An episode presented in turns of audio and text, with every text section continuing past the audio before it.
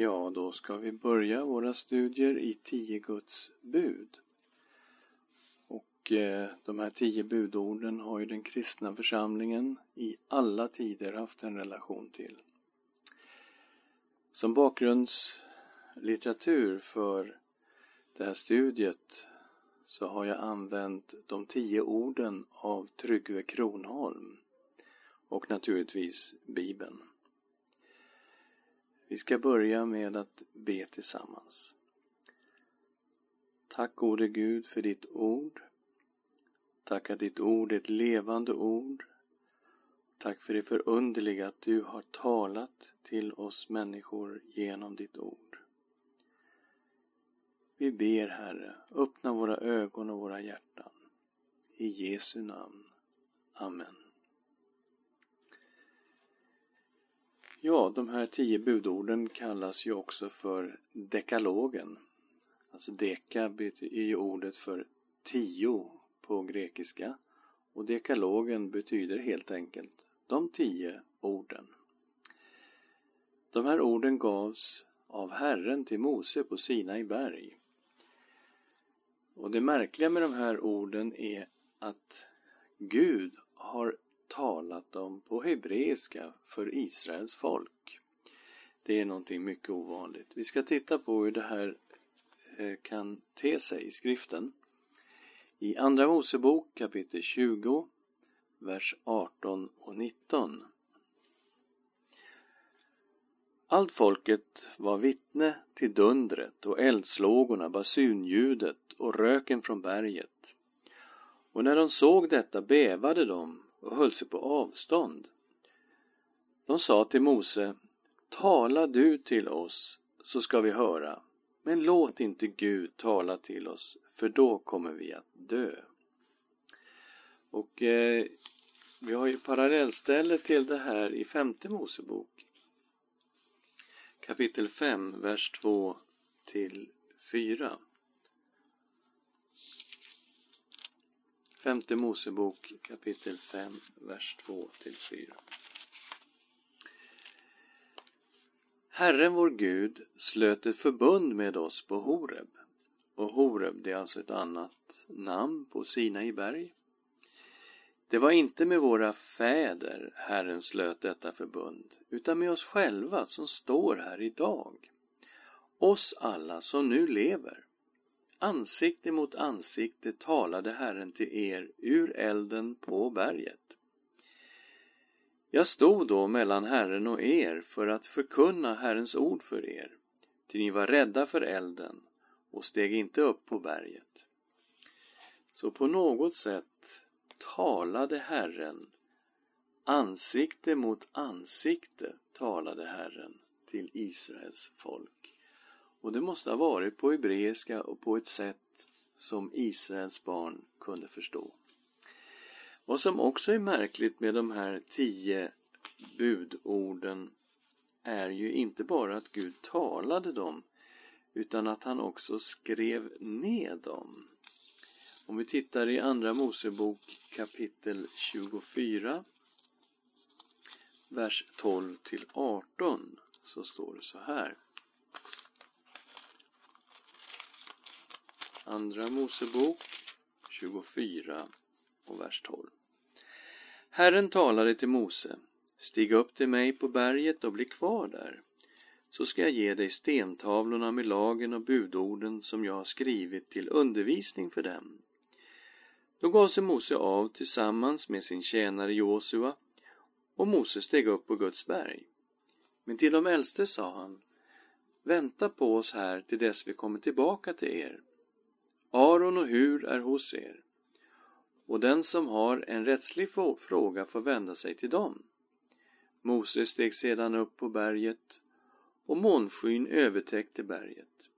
Herrens härlighet vilade på sina i berg och månskyn övertäckte berget i sex dagar. Men på sjunde dagen kallade han på Mose ur skyn. Och Herrens härlighet såg för Israels barn ut som en förtärande eld på toppen av berget. Mose gick mitt in i månskyn och steg upp på berget. Sedan blev han kvar på berget i 40 dagar och 40 nätter. vi ska se vad som hände i slutet av den här perioden i Andra Mosebok kapitel 31 och vers 18. När Herren hade talat färdigt med Mose på Sina i berg gav han honom vittnesbördets två tavlor, tavlor av sten skrivna med Guds finger. Så det här är ju märkligt. Gud talade de här orden och Gud skrev dem på de två stentavlorna. Och på något sätt så har vi i dessa tio bud en sammanfattning av alla Herrens bud i Mose lag. Totalt rör det sig om 613 bud. De är fördelade på 365 förbud och 248 påbud, alltså något som man ska göra. Dessa tio bud, de står inte för sig själva, utan de är väldigt starkt förbundna med uppenbarelsen av Gud själv. Så att buden uppenbarar något av Gud, hans karaktär och hans väsen och inte bara hans vilja utan faktiskt något av Gud själv. Buden de skrevs alltså ner på stentavlor och de här stentavlorna kom att förvaras i en ark som stod inne i det allra heligaste då först i tabernaklet och senare i templet. Arken var utformad som en låda och den var överdragen med guld. Och locket på den här arken kallades för nådastolen. Och det var två guldkeruber också på det här locket. Och tanken var att det här var en bild på nådens tron i himlen. Och den stod alltså i det allra heligaste och att Herren uppenbarade sig där på nådastolen. Tanken var då att Gud tronade på arken, han tronade på förbundet och förbundets tavlor, stentavlorna. Och Israels relation med Herren var på något sätt förbunden med de här tio budorden. En gång om året så fick översteprästen gå in i det allra heligaste och det skedde bara på den stora försoningsdagen då översteprästen gick in för att försona folkets synd. Och översteprästen han var representant för folket inför Gud så att han, när han gick in inför Guds ansikte så gick på något sätt hela folket in i översteprästen inför Guds ansikte. Och när översteprästen står där i det allra heligaste inför Gud så var ju de tio budorden där som då var själva grunden för förbundet mellan Herren och folket. Och det var inför de här buden som folkets synd blev tydlig. Folket måste försonas och förlåtas av Gud. De tio buden spelade en central roll faktiskt på Jesu tid. Och det är ju viktigt att veta att de var centrala vid den judiska gudstjänsten. Regelbundet läste man de tio budorden tillsammans med femte Mosebok 6, 4-9. Hör Israel, Herren vår Gud, Herren är en. Du ska älska Herren din Gud av hela ditt hjärta, med hela din själ och med all din kraft. Dessa ord som jag idag ger dig ska du lägga på hjärtat. Du ska inpränta dem i dina barn och tala om dem när du sitter i ditt hus och när du är ute och går, när du lägger dig och när du stiger upp. Du ska binda dem som ett tecken på din arm. Det ska vara ett kännemärke på din panna. Du ska skriva dem på dina dörrposter och dina stadsportar. Det här är ju fantastiskt hur budorden präglar så att säga hela människans liv. Det är någonting som ska ligga på hjärtat och genom de här buden så visar också människan att hon älskar Herren sin Gud av hela sitt hjärta, sin själ och sin kraft. Och de här ska inpräntas i barn och barnbarn, alltså någonting man ska prata om, de ska prägla den troendes hem. När man är ute och går, vart sätter vi våra fötter någonstans? Är det någonting som är emot Herrens bud? Eh, de ska finnas med oss när vi lägger oss, när vi stiger upp, alltså alla tider på dygnet. Vi ska binda dem som ett tecken på vår arm. Vad låter vi vår hand komma i? Vad är det vi håller i? Är det sådana saker som eh, hör till Guds bud eller är det någonting som är emot Herrens bud? De ska vara kännemärke på din panna. Vad är det vi tänker på? Vad är det vi fyller våra sinnen med? Och de ska skrivas på dörrposterna till våra, stat till, eh, till våra hem och på så sätt prägla också våra hem. Dessa bud är alltså någonting oerhört centralt. Och eh, att det här lästes regelbundet vid den judiska gudstjänsten på Jesu tid visar också att judarna på Jesu tid uppfattade de tio budorden som en sammanfattning av den gudomliga uppenbarelsen till Israels folk. Vi möter buden när vi läser i evangelierna. Eh, till exempel detta kärleksbud att älska Herren vår Gud av allt vårt hjärta. Det, säg, det citerar Jesus. Det kommer ju från femte Mosebok 6, 4 och 5. Och detta att älska vår nästa som oss själva kommer från tredje Mosebok vers, eh, kapitel 19, vers 18. Det här var ju välkänt och det bejakades ju av Jesus och apostlarna. Eh, vi läser till exempel i Markus evangeliet hur Jesus hänvisar till de här buden.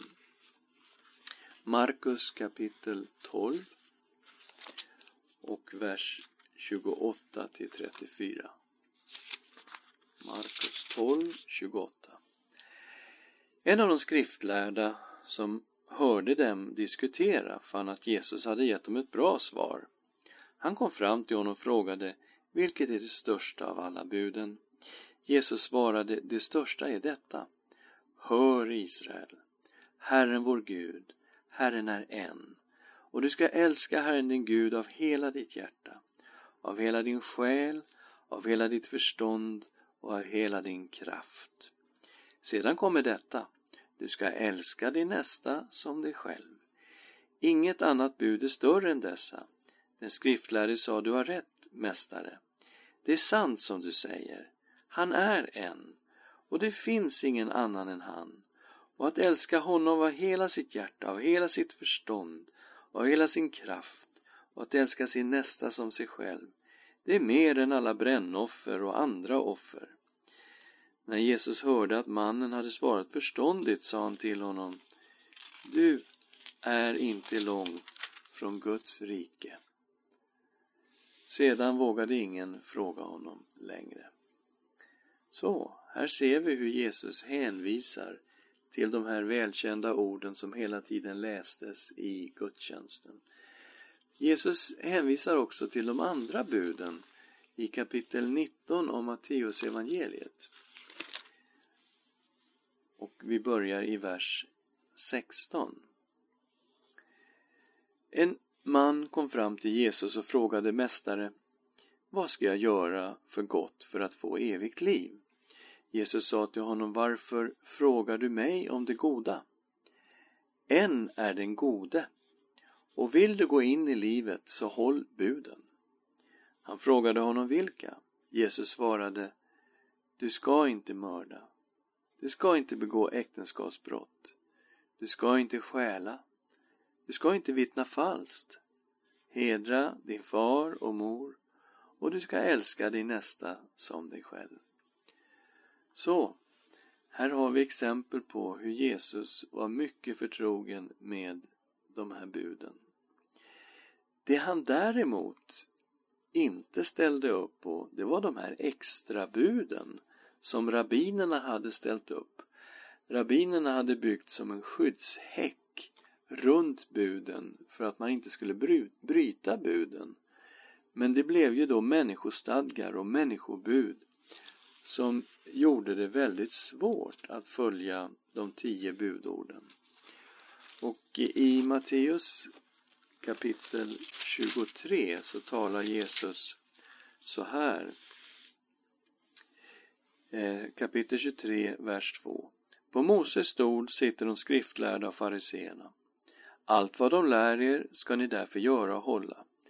Men efter deras gärningar ska ni inte handla, ty de talar, men handlar inte. De binder ihop tunga bördor och lägger dem på människornas axlar, men själva vill de inte ens med sitt finger flytta på dem. Så, fariséerna och de skriftlärde, de binder ihop tunga bördor. Det handlar om de här extra buden som de hade för att omgärda budorden så att man inte skulle bryta mot dem. Och vi ser hur konflikten är väldigt stark kring eh, sabbatsbudet. Ni vet att Jesus kom i konfrontation gång på gång med fariséerna och de skriftlärde just kring sabbaten och sabbatsbudet. I Markus kapitel 2 har vi en situation där hans lärjungar går igenom ett sädesfält och rycker ax. Och det fick de göra Eh, enligt Mose lag. De fick rycka ax och äta av dem. Men nu skedde det här på en sabbat. En sabbat gick Jesus genom ett sädesfält och hans lärjungar började rycka ax där de gick. Då sa fariseerna till honom, varför gör du sånt på sabbaten som inte är tillåtet? Han svarade, har ni aldrig läst vad David gjorde när han och hans följeslagare var hungriga och inte hade något att äta? Hur han gick in i Guds hus då Abjata var överstepräst och åt skådebröden som endast prästerna fick äta och hur han även gav till dem som var med honom. Och Jesus sa till dem, sabbaten blev gjord för människan, inte människan för sabbaten. Så är Människosonen Herre också över sabbaten. Och det här kommer vi att titta lite djupare på längre fram, hur han kan vara Herre över sabbaten. Men de gjorde alltså inget fel, lärjungarna, när de ryckte ax och åt av dem. Vi kommer in i tredje kapitlet av Markus och vi ser hur konfrontationen går vidare. En annan gång gick Jesus in i en synagoga. Där fanns en man som hade en förtvinad hand. Spänt iakttog de Jesus för att se om han skulle bota honom på sabbaten. De ville få något att anklaga honom för. Han sa till mannen med den förtvinade handen, stig fram. Sedan frågade han dem, är det på sabbaten mera tillåtet att göra gott än att göra ont, att rädda liv än att döda? Men de teg. Då såg han sig omkring med vrede, bedrövad över deras hjärtan var så förstockade. Och till mannen sa han, räck ut din hand. Han räckte ut handen och den var nu frisk.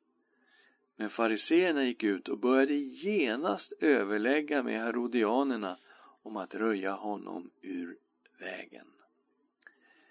Så, här har vi konfrontationen och Jesus säger att man får göra gott på sabbaten. Men fariseerna, de hade de här extra buden och de var till och med villiga att döda Jesus för att han helade en man på sabbaten. Och det här har vi flera exempel på i evangelierna. Men Jesus, han har alltså ingenting emot budorden, de tio budorden, inte alls. I den berömda bergspredikan har vi ju en utläggning av Jesus där han lägger, lägger ut de tio budorden. Och han inleder sin utläggning av buden i kapitel 5 av Matteus, början i vers 17, med att säga att han absolut inte kommer för att upphäva lagen utan för att fullborda den. Tro inte att jag har kommit för att upphäva lagen eller profeterna. Jag har inte kommit för att upphäva, utan för att fullborda. Amen säger jag er, innan himmel och jord förgår ska inte en enda bokstav, inte en prick av lagen förgå, förrän allt har skett. Den som därför upphäver ett av dessa minsta bud och lär människorna så, han ska kallas den minste i himmelriket. Men den som håller dem och lär människorna dem. Han ska kallas stor i himmelriket. Jag säger er att om er rättfärdighet inte går långt utöver de skriftlärdas och fariseernas ska ni inte komma in i himmelriket. Så, Jesus har inte kommit för att upphäva lagen, men han har kommit för att fullborda lagen. Och vi kommer senare att tränga in mer i Jesu undervisning kring buden. Men slutsumman av det han säger är kapitel 5, vers 48 av Matteus. Var alltså fullkomliga, så som er fader i himmelen är fullkomlig. Och jag misstänker att det finns ingen av oss som eh, kan stå inför Gud och säga att vi är fullkomliga. Så när Jesus är klar med sin undervisning om buden, då står vi alla där som syndare. Ofullkomliga, inte fullkomliga. Och eh, det är det här som gör evangeliet om Guds försoning i Jesus Kristus helt nödvändigt. Men hur ska vi då förstå Paulus? Paulus talar ju om att vi är fria från lagen. Han säger att ingen blir rättfärdig genom laggärningar. Galaterbrevet kapitel 2 och vers 16. Men eftersom vi vet att människan inte förklaras rättfärdig genom laggärningar utan genom tro på Jesus Kristus, så har också vi satt vår tro till Jesus Kristus. För att vi ska stå som rättfärdiga genom tro på Kristus och inte genom laggärningar. Ty genom laggärningar blir ingen människa rättfärdig. Så, vi blir alltså inte rättfärdiga inför Gud genom att hålla lagen. Lagen har en annan funktion. Lagen visar att vi är syndare. Samtidigt så ger lagen Guds moral och Guds etik och regler, levnadsregler för oss människor så att vi vet vad som är rätt och vad som är fel. Men vi lyckas alltså inte hålla hela lagen. Paulus går lite längre. Anta att vi försöker då bli rättfärdiga genom lagen. Vad händer då? Ja, säger Paulus, då kommer vi under en förbannelse. Kapitel 3, Galaterbrevet, vers 10-12. Men alla som håller sig till laggärningar är under förbannelse. Det står skrivet under förbannelse står den som inte håller fast vid allt som är skrivet i lagens bok och gör därefter. Att ingen förklaras rättfärdig inför Gud genom lagen är uppenbart, eftersom den rättfärdige ska leva av tro. Men lagen säger inte av tro, utan den som håller dessa bud ska leva genom dem. Så vad säger han? Jo, om vi vill försöka bli rättfärdiga genom att hålla lagen, då måste vi hålla hela lagen, alla buden. För när vi misslyckas och kommer i synd på grund av lagen, då säger Paulus, då kommer vi under en förbannelse. Och det här går ju tillbaka till villkoret av förbundet som Gud gjorde med Israels folk, att det var ett villkorat förbund. Om folket höll sig till förbundet och fullgjorde lagen, ja då skulle man få välsignelse från Gud. Men om man bröt buden och bröt förbundet, ja då kom man under en förbannelse. Den här förbannelsen, den har Kristus friköpt oss ifrån. Kapitel 3, Galaterbrevet, vers 13 och 14. Kristus friköpte oss från lagens förbannelse när han blev en förbannelse i vårt ställe. Det står skrivet förbannad är var och en som är upphängd på trä. Vi friköptes för att den välsignelse Abraham fått skulle i Jesus Kristus komma till hedningarna och för att vi genom tron skulle få den utlovade anden. Så Jesus bar vår synd. Han friköpte oss från lagens förbannelse. Han tog allting på sig och blev en förbannelse i vår ställe. Det innebär ju då att lagen är inte till för att vi ska bli rättfärdiga genom den. Det blir vi genom att tro på Jesus Kristus, han som har friköpt oss från lagens förbannelse. Nej, lagen, den uppenbarar synden. Men vi är befriade på något sätt från lagen. Vad är vi befriade ifrån då? Ja, det är inte befriade från den moral och den etik som de tio budorden lyfter fram. Utan vi är befriade ifrån att hålla ceremoniallagen. Omskärelsen till exempel var ju ett stort ämne i urkyrkan där judaisterna ville säga att de eh, hedna kristna som kom till tro de måste också omskära sig om de var, skulle vara Abrahams sanna barn. Men Paulus säger att det finns en omskärelse i Kristus och den sker i hjärtat och den sker i anden när en människa tar emot Jesus Kristus. Omskärelsen var ju också ett tecken. Det var ett förbundstecken på det förbund som Gud hade gjort med Abraham. Men det finns då ett tecken också i det nya förbundet och det är dopet. Och vi ska se hur Paulus undervisar om just det här tecknet, omskärelsen i Kristus och dopet som ett tecken på förbundet. Kolosserbrevet 2, 8-15. Se till att ingen rövar bort er med sin tomma och bedrägliga filosofi, byggd på mänskliga traditioner och stadgar och inte på Kristus. Ty i honom bor gudomens hela fullhet i kroppslig gestalt. Och i honom är ni uppfyllda. Han är huvudet över alla makter och väldigheter. I honom blev också ni omskurna, inte med människohand, utan med Kristi omskärelse, då ni avkläddes er syndiga natur och begravdes med honom genom dopet. I dopet blev ni också uppväckta med honom genom tron på Guds kraft, han som har uppväckt honom från de döda. Ni var döda på grund av era överträdelser och er oomskurna natur. Också er har han gjort levande med Kristus. Han har förlåtit oss alla överträdelser och strukit ut det skuldebrev som med sina krav vittnade mot oss. Det har han tagit bort genom att spika fast det på korset. Han har klätt av välderna och makterna och förevisat dem offentligt när han på korset triumferade över dem. Så det finns en omskärelse i Kristus. Det finns ett, ett förbundstecken i Kristus. Det är dopet. Vi begravdes med honom genom dopet. I dopet blev vi också uppväckta med honom genom tron på Guds kraft, han som har uppväckt honom från de döda. Så vi är befriade från den yttre omskärelsen. Vi har dopet istället. Vi är befriade ifrån att offra djuroffer.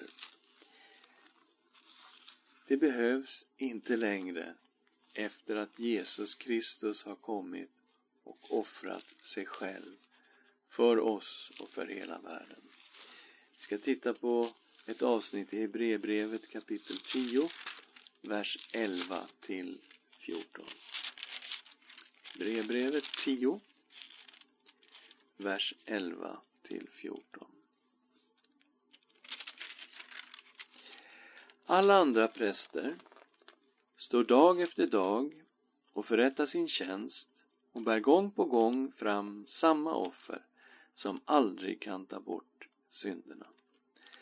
Men Jesus har framburit ett enda syndoffer för alla tider och han har satt sig på Guds högra sida och väntar nu på att hans fiender ska läggas som en fotpall under hans fötter. Genom ett enda offer har han för alla tider gjort dem som helgas fullkomliga. Så, i det gamla förbundet står alla andra präster och de bär dag efter dag fram olika offer och de här offren kan aldrig ta bort synderna. Så mot alla offer i hela gamla förbundet ställer Hebreerbrevets författare fram Jesu enda offer och säger det här offret det har för alla tider helgat dem som blir fullkomliga. Det är alltså bara ett enda offer. Och Jesus, han har satt sig på Guds högra sida. Varför sitter han? Därför att han behöver inte offras igen och igen. Han är färdig med ett enda offer. Så, vi är befriade från att offra djuroffer. Vi är befriade från matreglerna som fanns i, i Mose lag.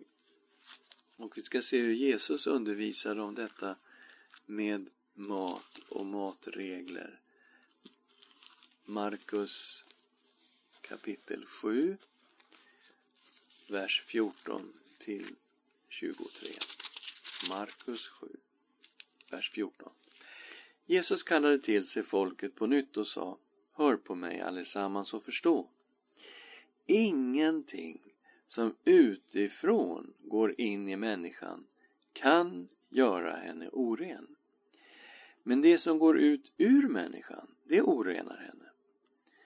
När, folket hade, när han hade lämnat folket och kommit hem frågade hans lärjungar vad han menade med denna liknelse. Han svarade dem Är ni också oförståndiga? Inser ni inte att det som utifrån går in i människan inte kan göra henne oren eftersom det inte går in i hennes hjärta utan ner i magen och ut på avträdet. Därmed förklarade han all mat för ren. Och han tillade, det som går ut i människan, det gör henne oren. Ty inifrån, från människans hjärta, utgår onda tankar, otukt, stöld, mord, äktenskapsbrott, girighet, ondska, svek, lösaktighet, avund, hädelse, högmod och dårskap. Allt detta onda kommer inifrån och gör människan oren. Så Jesus förklarar all mat för ren. Och lägg märke till när han talar om det som går ut ur människans hjärta som han kallar för ont så är det just sådana saker som bryter mot de tio budorden. Vi tittar vidare på detta med befrielsen från matreglerna. Paulus säger i Första Timoteusbrevet kapitel 4, vers 1-5. Men Anden säger tydligt att i de sista tiderna kommer somliga att avfalla från tron och hålla sig till villoandar och till onda andars läror. De kommer att förledas av hycklare och lögnare som är brännmärkta i sina samveten och som förbjuder folk att gifta sig och befaller dem att avstå från mat som Gud har skapat för att tas emot med tacksägelse av dem som tror och känner sanningen. Ty allt som Gud har skapat är gott och inget är förkastligt när det tas emot med tacksägelse. Det helgas genom Guds ord och bön. Ännu tydligare Kolosserbrevet kapitel 2 och vers 20 till 23. Om ni med Kristus har dött bort från världens stadgar, varför upphör ni då inte att så, eh, upp, uppför ni er då inte som om ni levde i världen och böjer er under dessa stadgar. Okej, okay, jag läser om den versen. Om ni med Kristus har dött bort från världens stadgar, varför uppför ni er då som om ni levde i världen och böjer er under dessa bud? Det ska du inte röra. Det ska du inte smaka. Det ska du inte ta på. Och detta gäller sådant som är bestämt att användas och förbrukas efter människors bud och läror. Detta uppfattas visserligen som vishet, med sin självvalda gudstjänst, sin ödmjukhet och sin späkning av kroppen. Men det har inget värde, utan är bara till för att tillfredsställa det kötsliga sinnet. Så, man kan få för sig att det ska inte smaka och så vidare och så vidare.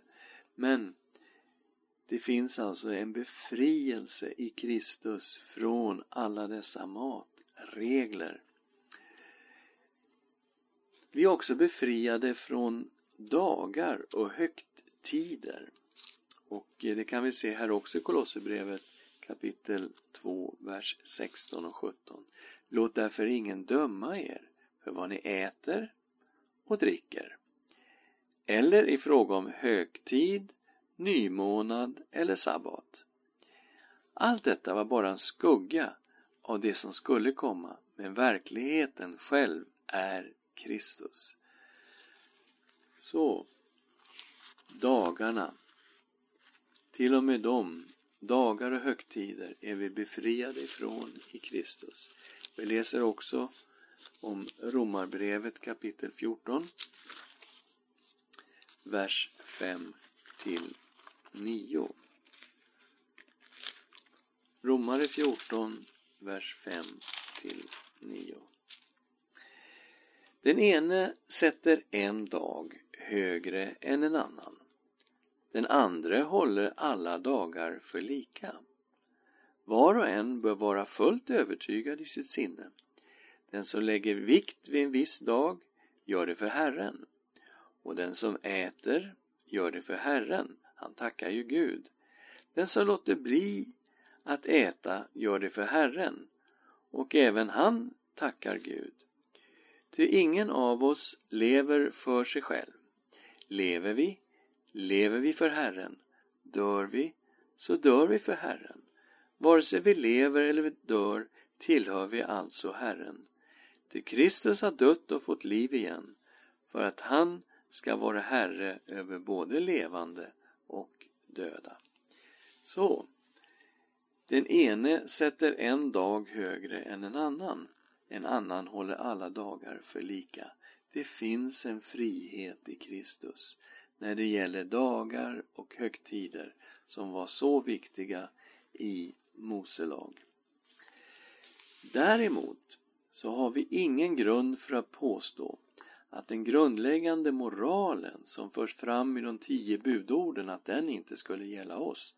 Tvärtom så stöder Nya Testamentet exakt samma uppfattning om vad som är rätt och vad som är fel som möter oss i budorden. Det som skiljer då, om vi ska jämföra det gamla och det nya testamentet, det är ju straffen. I gamla testamentet är alla buden utom det sista belagda med dödsstraff i en viss given situation naturligtvis, men det fanns ett dödsstraff knutet till samtliga bud utom det sista budet. I Nya testamentet så överlåter man genomgående domen åt Gud istället. Däremot så förekommer ju olika former av församlingstukt om man syndar utan att vilja omvända sig och det som kunde hända då i den kristna församlingen var att man blev utesluten ur gemenskapen. I övrigt så överlåter man åt samhället att döma ut straffen för olika brott. Till exempel i Romarbrevet kapitel 13, vers 1-7. Varje människa ska underordna sig den överhet hon har över sig. Ty det finns ingen överhet som inte är av Gud. Och den som är den som finns är insatt av honom. Den som sätter sig emot överheten står därför emot vad Gud har bestämt. Och det som gör så drar domen över sig själva. Ty det styrande inger inte fruktan hos dem som gör det goda, utan hos dem som gör det onda. Vill du slippa leva i fruktan för överheten, fortsätt då att göra det goda så kommer du att få beröm av den. Överheten är Guds tjänare till ditt bästa. Men gör du det onda ska du frukta, ty överheten bär inte svärdet förgäves. Den är en Guds tjänare, en hämnare, som straffar den som gör det onda. Därför måste man underordna sig den, inte bara för straffets skull, utan också för samvetets skull. Det är också därför ni betalar skatt, ty de styrande är Guds tjänare, ständigt verksamma för just denna uppgift. Fullgör era skyldigheter mot alla. Skatt åt den ni är skyldiga skatt. Tull åt den som ni är skyldiga tull. Vördnad åt den som bör få vördnad och heder åt den som bör få heder. Och det är klart att när vi kommer till Jesus så ser vi ju att han har kvar moralen och etiken om vad som är rätt och fel. Samtidigt som han visar väldigt mycket nåd och barmhärtighet. Vi har hans exempel på äktenskapsbryterskan i Johannes 8, vers e- e- 1-11. Tidigt på morgonen kom han tillbaka till tempelplatsen. Allt folket samlades omkring honom och han satte sig ner och undervisade dem. Då kom de skriftlärda fariseerna fram till honom med en kvinna som hade gripits för äktenskapsbrott. De ställde henne mitt framför sig och sa Mästare, den här kvinnan greps på bargärning när hon begick äktenskapsbrott. I lagen har Mose befallt oss att stena sådana. Vad säger då du? Detta sa de för att snärja honom, att ha något att anklaga honom för. Men Jesus böjde sig ner och skrev med fingret på marken. När de stod kvar och frågade honom reste han sig och sade Den som är utan synd må kasta första stenen på henne. Och han böjde sig ner igen och skrev på marken. När de hörde detta gick de därifrån, den ene efter den andre. Det äldste först, och han blev lämnad ensam kvar med kvinnan som stod där. Jesus reste sig upp och sa till henne, kvinna, var är de? Har ingen dömt dig? Hon svarade, nej, Herre, ingen. Då sa Jesus, inte heller jag dömer dig. Gå och synda inte mer. Så Jesus visar nåd, han visar förlåtelse, men han är mycket tydlig också på att uppmana kvinnan att inte synda mer. Helt klart så finns moralen kvar. Det är fel att bryta tio Guds bud och begå äktenskapsbrott. Och sen kan man ju undra vad det innebar här när Jesus böjer sig ner och skriver på marken. Personligen så lutar jag åt att det har någonting med budorden att göra. Därför att de var skri skrivna med Guds finger, står det i Bibeln. Och här skriver Jesus och sen ställer han frågan Den som är utan synd må kasta den första stenen på henne. Och inför dessa bud så står vi alla som syndare och inte bara de som var där utan det gör vi allesammans. Ska vi be tillsammans. Tack Herre att du har talat. Tack att du inte har lämnat oss att själva bara treva oss fram och undra vad som kan vara rätt och fel. Utan vi har faktiskt någonting att hålla oss i. Tack att du har gett oss de tio budorden och att de också väldigt tydligt gäller i Nya Testamentet och för den kristna församlingen. Vi tackar dig i Jesu Kristi namn. Amen.